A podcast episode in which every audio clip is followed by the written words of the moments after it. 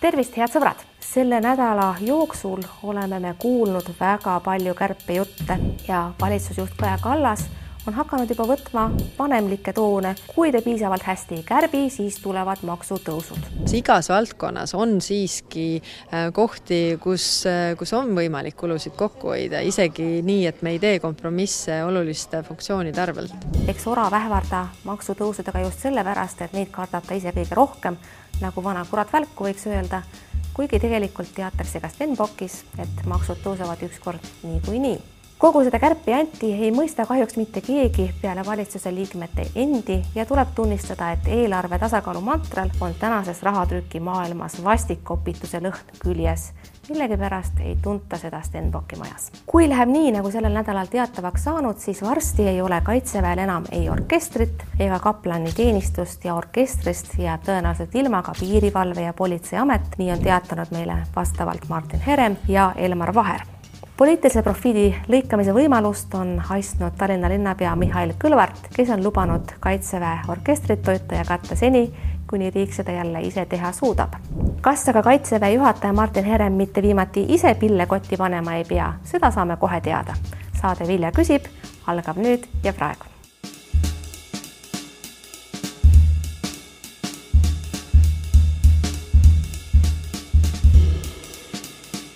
Ja mul on hea meel tervitada stuudios Martin Heremit, Kaitseväe juhatajat, tere tulemast. tere. ma saan aru, teid ei ole ikkagi veel lahti lastud, see juhtub ilmselt õige pea või kuidas? selles ma kindel ei ole. ma ei näe küll hetkel põhjust. Kalle Laanet on öelnud, et tema pole sugugi otsustanud kaplaniteenistust ja Kaitseväe orkestrit kinni panna ja Jaanus Karilaid arvas eile Esimeses stuudios, et teile tuleks teha karm hoiatus, kui sellest ei piisa, siis tuleb kinga anda jah, nende mõlemal on õigus nii öelda, nagu nad on öelnud. aga võib-olla ma peaksin siis rääkima taustaks. me võiksimegi jah rääkida, et kuidas siis sündis see otsus kaplaniteenistus kaotada ja Kaitseväe orkester kinni panna. eelmisel aastal umbes märtsikuuses, kui koroonaepideemia alles kerkis üles, vaatasime meie, et riigikaitse eelarve tõenäoliselt väheneb seoses majanduslangusega ja me tegime oma kärpekavad, mis olid valmis umbes juunikuuks. Need kärpekavad on meil kogu aeg olnud riiulis, nendeks kärbeteks on põhimõtteliselt needsamad kärped, millest täna on räägitud ja millest veel räägitakse, sest et me, kaplani ja kaplaniteenistuse orkester on ainult üks väike osa sellest, ma arvan, et alla kümne protsendi. ja need on meil kogu aeg olnud nii-öelda varuks, varuplaaniks ei, ma korra segan vahele, see ei ole sugugi niimoodi, et riigieelarve strateegiat hakati tegema ja Kalle Laanet ütles teile, et Herem kärbi ära see kümme miljonit, vaid see on tegelikult juba varasem plaan, mis oli siis sahtlis igaks juhuks või kuidas? absoluutselt, sest et oli näha, et kui majandus langeb, siis tõenäoliselt langeb ka kaitse-eelarve. me pidime selleks valmis olema aga te tulite avalikkuse ette nüüd siis sellega ikkagi konkreetselt mingisuguse Laaneti käsu peale või poliitilise suunise ajendil? kõigepealt ma ütlen, et nendeks kärbeteks ei ole mina saanud muid juhiseid, kui riigikaitse peab säilima võimalikult palju. viis protsenti kärpeid peab toimuma tegevuskulude arvelt. ja oma kärpeettepanekud pean ma esitama neljandaks juuniks, need on olnud juhised. ma ei ole saanud mitte mingisuguseid piiranguid, et see ei tohiks puudutada personali näiteks seda enam, et äh, tegevuskulud noh, väga suures osas kujunevadki personalikuludest. nüüd pärast seda, kui RES välja kuulutati, võtsime oma plaani välja, vaatasime üle ja selle sees on ka inimeste koondamine ja teatud tegevuste ümberkujundamine. ja me hakkasime tegelema eelkõige sellega, et teavitada inimesi tulevikust. samal ajal ma tegelikult rääkisin ka ministriga, tutvustasin talle üldist plaani ja ma ei saanud sealt mitte ühtegi nii-öelda piirangut nendele tegevustele. aga miks siis Laanet praegu räägib, et ei, tema ministrina pole küll ühtegi otsust teinud äh, kaplanid ja orkester ära kaotada? tal on jumala õigus, sest et need äh, ettepanekud esitan mina juuni alguses ja siis ta selle lõpuks kas kinnitab või, või teeb ringi, seda saab näha. aga mul ei olnud mitte mingit alust hoida seda infot tagasi nende samade kaplanite ja orkestri liikmete ees, kui ma kavatsen äh, nende tegevuse ümber kujundada, ehk siis tegelikult juriidilises keeles koondada. ja ma alustasin nendega rääkimist. eelmisel reedel hakkas ajakirjandus küsima, keda me koondame ja mida me teeme. see tähendas seda, et ma pidin palju kiiremini sellega tegelema, sest minu arvates on oma inimeste teavitamine ametlikul teel mõistlikum, kui nad saavad teada ajakirjandusest. ja siis me saatsime välja kirja äh, umbes viiele tuhandele inimesele, kus me teatasime, mis me tegema hakkame ja nende hulgas oli ka öeldud, et me kavatseme lõpetada orkestri ja kaplaniteenistuse teenuse sellisel kujul, sellisel kujul oli alla joonitud. nii kaplani kui orkestri juhiga ma olen ka rääkinud, mida see sellisel kujul tähendab. loomulikult see tähendab enamuse inimeste koondamist, aga kõik need tegevused me viime edaspidi läbi teisel moel. teate, need on detailid. mina pakun välja, et teil oli see ikkagi päriselt niimoodi plaanis Te rääkisite oma inimestega teadmises, et see info jõuab ajakirjandusse ja puhkab kohutav skandaal ja võib-olla te leppisite koguni kokku ka politsei ja piirivalve direktori eh, Elmar Vaheriga, kes on siin rääkinud oma orkestri koondamisest. teadsite, et metsik skandaal tuleb, valitsusel on kohutavalt ebamugav, tegite meelega, oli nii? ma peaksin olema pime inimene, kui ma ei arvaks, et see tõstab väga palju emotsioone, orkestri või kaplani teenistuse sulgemine. aga ma ei ole kavandanud mitte mingisugust intriigi Nende ei mingit otsuste, infooperatsiooni? mitte mingit infooperatsiooni, nende otsuste taga on kaitseväelased, kes on planeerinud seda eesmärgil hoida ja arendada sõjalisi võimeid edasi. loomulikult mina olen see, kes lõpuks otsustab ja kes võtab vastutuse. ja läheb ajalik, ajalukku kõige usuvaenulikuma ja kõige muusikavaenulikuma, kultuurivaenulikuma kaitseväe juhatajana, kes üleüldse on olnud. kui selline on minu saatus, siis küll aga kui selle sees Eesti riik on sõjaliselt paremini kaitstud, siis ma vaatan rohkem seda tulemust kui seda, mida teie mainisite. aga kas te siis ometi seda pole kuulnud, et emotsioonid on sõdade võitmisel kohutavalt tähtsad ja laul ja muusika ja seesama kaplarid ja hingehoid, see on ikkagi midagi, mis moodustab väga olulise osa sellest vaimujõust, millega sõdasid võidetakse. kahtlemata, eks me oleme selle kõige peale mõelnud ja ma mõtlesin selle peale ka eile pärast südaööd, kui ma tulin õppuselt Kevadtorm, vihma sadas ja mõtlesin, kui ma praegu läheks sõdurite juurde ja küsiks sõdurilt postil, mis tõstaks sinu motivatsiooni. ma kahtlen, et ta nimetaks kaplanit või orkestrit. nüüd äh, see on ka päris huvitav, et kaitsevägi on siis nüüd see koos Politsei- ja Piirivalveametiga, kellega ma ei ole neid kärpeid kokku leppinud. et meie oleme need, kes on siis viimased, kes hoiavad alles puhkpillimuusikat Eestis. ma tõesti seda ennem ei teadnud, ma ei teadnud, et muusikamaailm Eestis on sellest täiesti eemale pööranud ja jätnud selle kõik kaitseväe rüppe, et ma pean nüüd tõesti selle ringi vaatama oma otsuse. et võib-olla tõesti tuleks siis äh, meil pöörata tähelepanu muusikamaailma toetamisele. kas te olete praegu irooniline või mõtlete ma olen irooniline loomulikult. Te olete irooniline, sest äh, minuni on, ma olen lugenud ajakirjandusest, et äh, üks orkestri ülem Peeter Saan, varasem, on viidanud, et siis, kui teie olite alles staabiülem ja kindral Terras juhatas vägesid, juba siis olete, olevate arvanud, et, et ähm, Kaitseväe orkester õigupoolest ei tee mingit päris tööd. et tegelikult äkki oli teil see mõte muusika kinni keerata juba varem ja nüüd lihtsalt on teil võimu käes ja saate seda teha. Te lihtsalt äkki ei ole mõistnud muusika ja orkestri olemasolu tähendust? see on tema sõnastus. ma räägin, kuidas asjad tegelikult on. kaitseväe orkester annab aastas paarkümmend nii-öelda kontserdit, mis on seotud eh, riigi ülesannetega, need on riigi vastuvõtud ja paraad, kus tuleb mängida mõned hümnid ja mõned marsid ja need on paarkümmend aastas. ma segan kohe vahele, olen tõepoolest näinud orkestriga seotud inimeste suust kuulnud hoopis teisi numbreid. ja ma jõuan kohe nende juurde, kõik ülejäänud, siin on nimetatud kakssada kontserdit, on pigem meelelahutus, mis eh, makstakse kinni riigikaitsekuludest nüüd minu arvates oleks väga mõistlik kujundada ümber orkestri tegevus näiteks selliseks, kus orkestri liikmeid ei ole mitte tegevväelased, vaid on riigitöötajad ja see on oluliselt ka ressursi küsimus riigile, mitte isegi niivõrd nendele inimestele, kus nende koormus ei ole mitte sada protsenti, aga näiteks null koma kaks, mis annab neile piisavalt äh, palju aega harjutada seda muusikat ja siis esitada seda muusikat. ja ülejäänud aeg peaksid nad tegelema sellega, milles nad tõepoolest on head, mida on ilus vaadata ja kuulata. aga nad ei peaks seda tegema minu arvates riigikaitse raha eest. ja see on olnud see ettepanek, millest ma olen rääkinud kindral Terrasele ka neli aastat tagasi. ehk siis see on tegelikult pikema vinnaga lugu.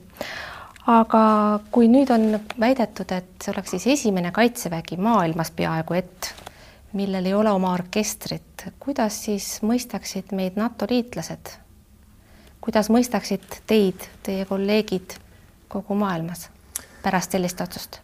kui me näeme, et riiklikel vastuvõttudel ja paraadil mängib orkester, kes kannab kaitseväe vormi, oskab rivis kõndida ja teeb seda kõike väga ilusasti, siis ei teki mitte mingisuguseid küsimusi.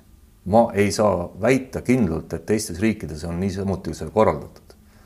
aga ma olen päris kindel, et teised riigid otsivad täpselt samamoodi lahendusi, sest noh, miks me peaksime hoidma täisajaga tööl inimesi, kelle enamus kontserditest läheb maadlusvõistlustele Ähm, mingitele meelelahutusüritustele põhimõtteliselt. teate, aga tegelikult see kõik on ju olnud selline ühenduslüli Kaitseväe ja ühiskonna vahel.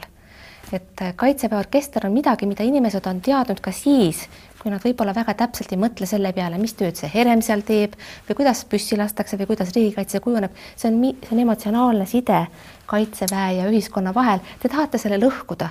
kas teil häbi ei ole?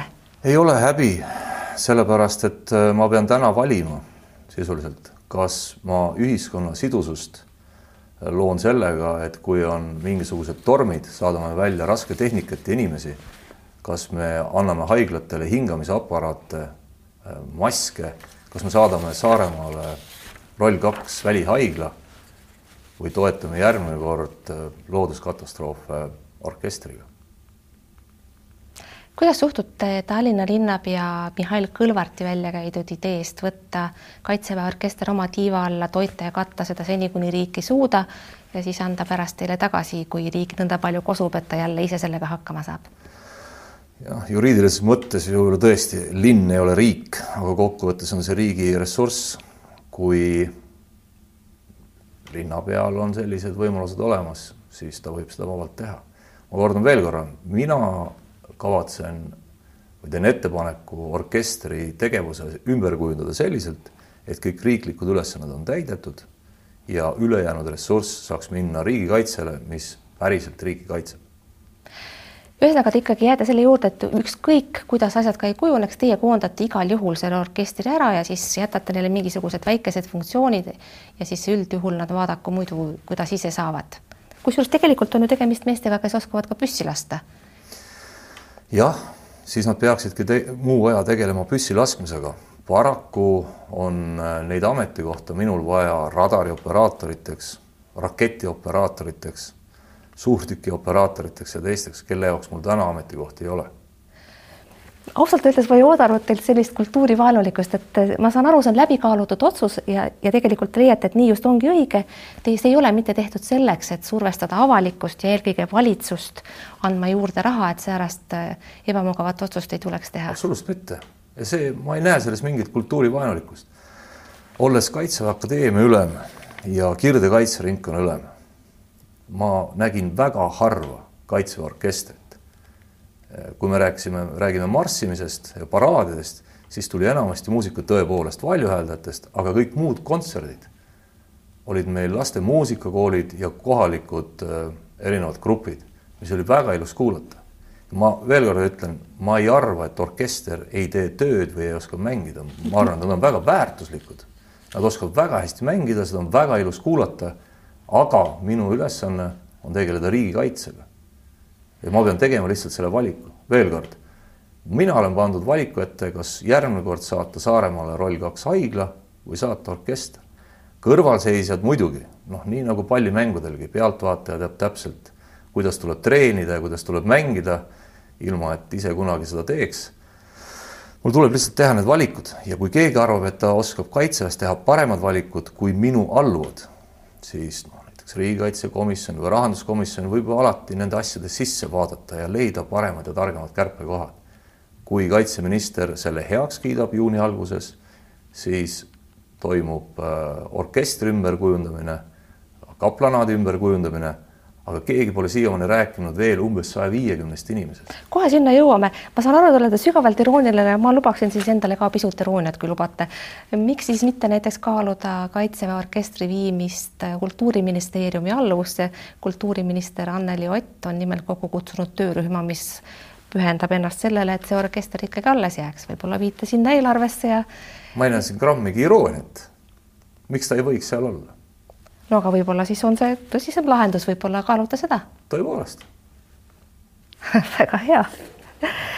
kas olete seda, kuna, kuna Politsei- ja Piirivalveameti juht Elmar Vaher on samasuguse otsusega avalikkuse ette tulnud, kas te olete omavahel neid ideid põrgatanud või tuleks arvata, et te lihtsalt mõtlete sarnaselt?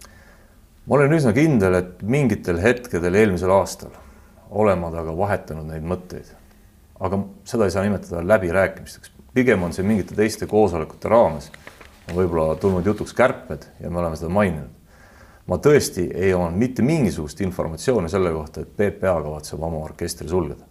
ma tunnistan, et reedel, kui ma saatsin oma inimestele ja rääkisin selle kirja ja rääkisin orkestri juhiga, siis pärast seda ma saatsin talle teate, et ma teen sellised sammud. sisuliselt ma saatsin talle sellesama kirja, eh, mille ma saatsin oma töötajatele, sest et orkester ja kaplanaat on omavahel seotud kaplanaadist tahaks lähemalt rääkida, aga enne veel, te viitasite, et need kaks äh, valdkonda kärpimist annavad kokku kümnendiku sellest, mida on vaja teha. mis siis veel on plaanis? veel on plaanis veel koondada inimesi ja muuta ümber teatud teenuseid ja sellest olen ma ka kirjutanud ja seda on ka avalikult öeldud. personaliteenus, on referenditeenus, juristid. mis see majandamiskulu seal tähendab? majandamiskulu on nii palgad kui ka näiteks hoonete ülalpidamiskulud, õppuste läbiviimine. näiteks õppus Kevadtorm eelmisel aastal maksis kaks miljonit, see on siis kütus, palgad, paukpadrunid, kahjude tasud. kaks miljonit maksab õppus Kevadtorm, üks koma neli miljonit maksab aastaorkester. ehk siis võib-olla ka vähem õppusi ja jutt on olnud ju ka ajateenistusse kutsu, kutsutavate hulga vähendamisest. kuivõrd tõsine see plaan on? see on päevakorral, aga me võime sinna panna näiteks kaheksasada tuhat eurot aastas maksab ühe Kaitseliidu kompanii varustus.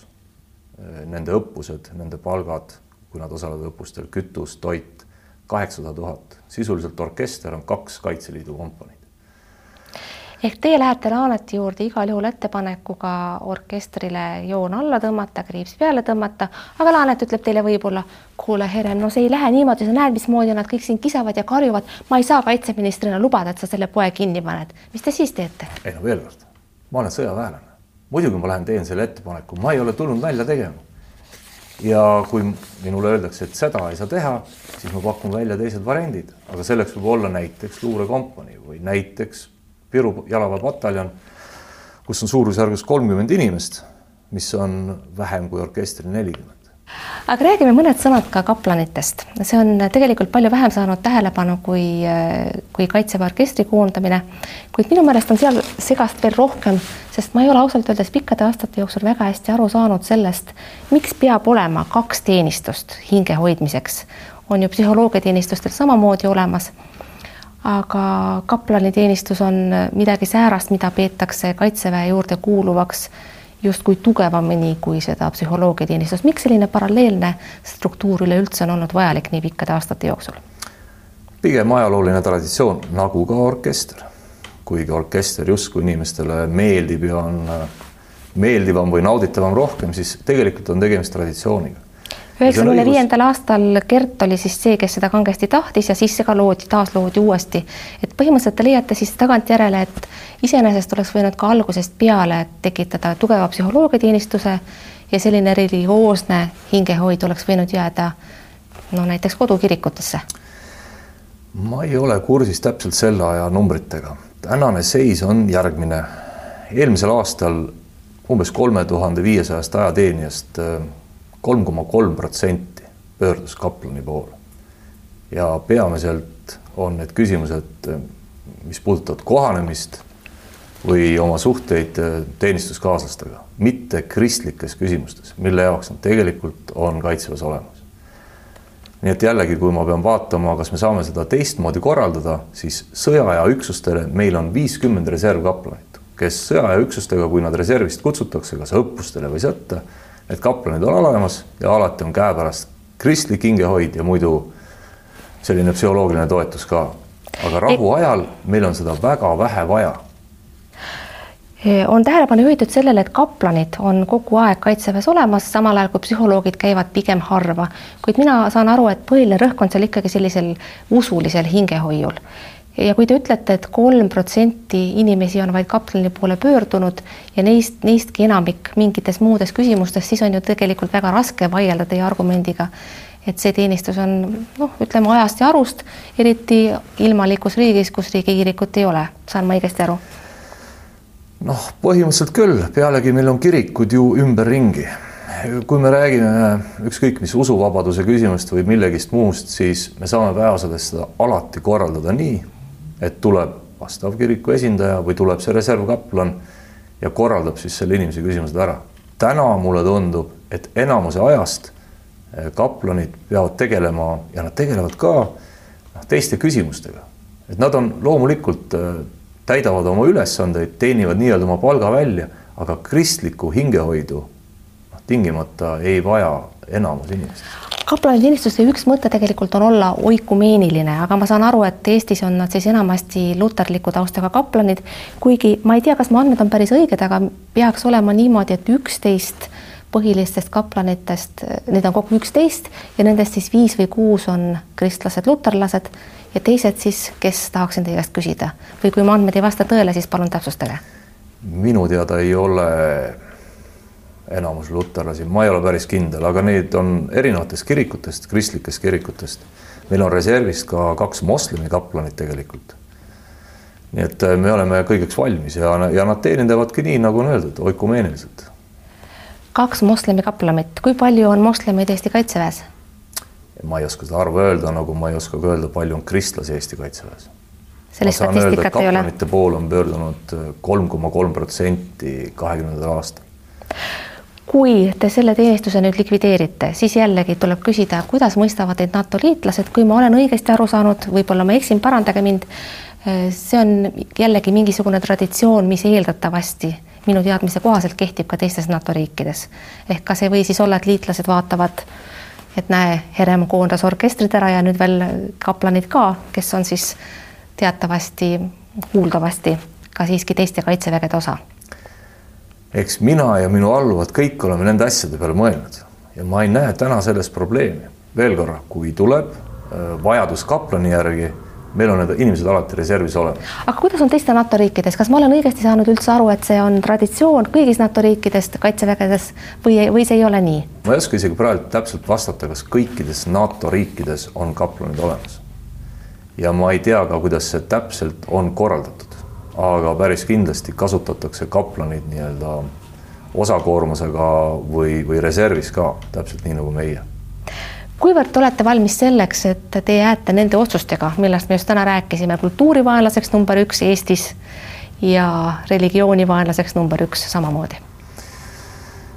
kui selle kõrval või sellega kaasneb tiitel, et see on Kaitseväe juhataja, kes arendas edasi sõjalist riigikaitset, siis ma selle riski võtan. Kui peaks selguma, et seesama riigieelarve strateegia osutub lihtsalt ajutiseks dokumendiks, mis unustatakse sügiseks ära arvestades, et tulevad kohalikud valimised ja presidendivalimised. ja selgub, et üldse neid kärpeid pole tarvis teha. kas teil jääb siis süda valutama, kui te ei peagi seda orkestrit ära koondama ja kaplaniteenistust kinni panema? ei, mu süda valutama ei jää. minu asi on arendada sõjalist riigikaitset ja seda ma täna teen täitsa siiralt. Ma ei mängi mingisugust peenikest mängu, eh, kasutades mingeid meediaoperatsioone. et eesmärk ei ole selles, kui valitsus otsustab anda lisaraha, kui valitsus otsustab, et äh, kaplanid peavad olema kaitseväes alles, et Eesti Kaitsevägi peab alal hoidma Eesti puhkpillimuusikat äh, teatud summade eest, siis mina täidan käsku. aga täna on minu käest küsitud, kuidas korraldada Eesti kaitseväeteenistus nii, et riigikaitse selle ressursi eest oleks võimalikult hea. Ja mis me selle ohvriks toome, siis need on olnud minu ettepanekud. Martin Herem, suur tänu, et tulite stuudiosse mu küsimustele vastama, head sõbrad, aitäh, et te vaatasite. vaadake teinekord ikka jälle, olge vahepeal terved ja mingu teil hästi, kuulmiseni, nägemiseni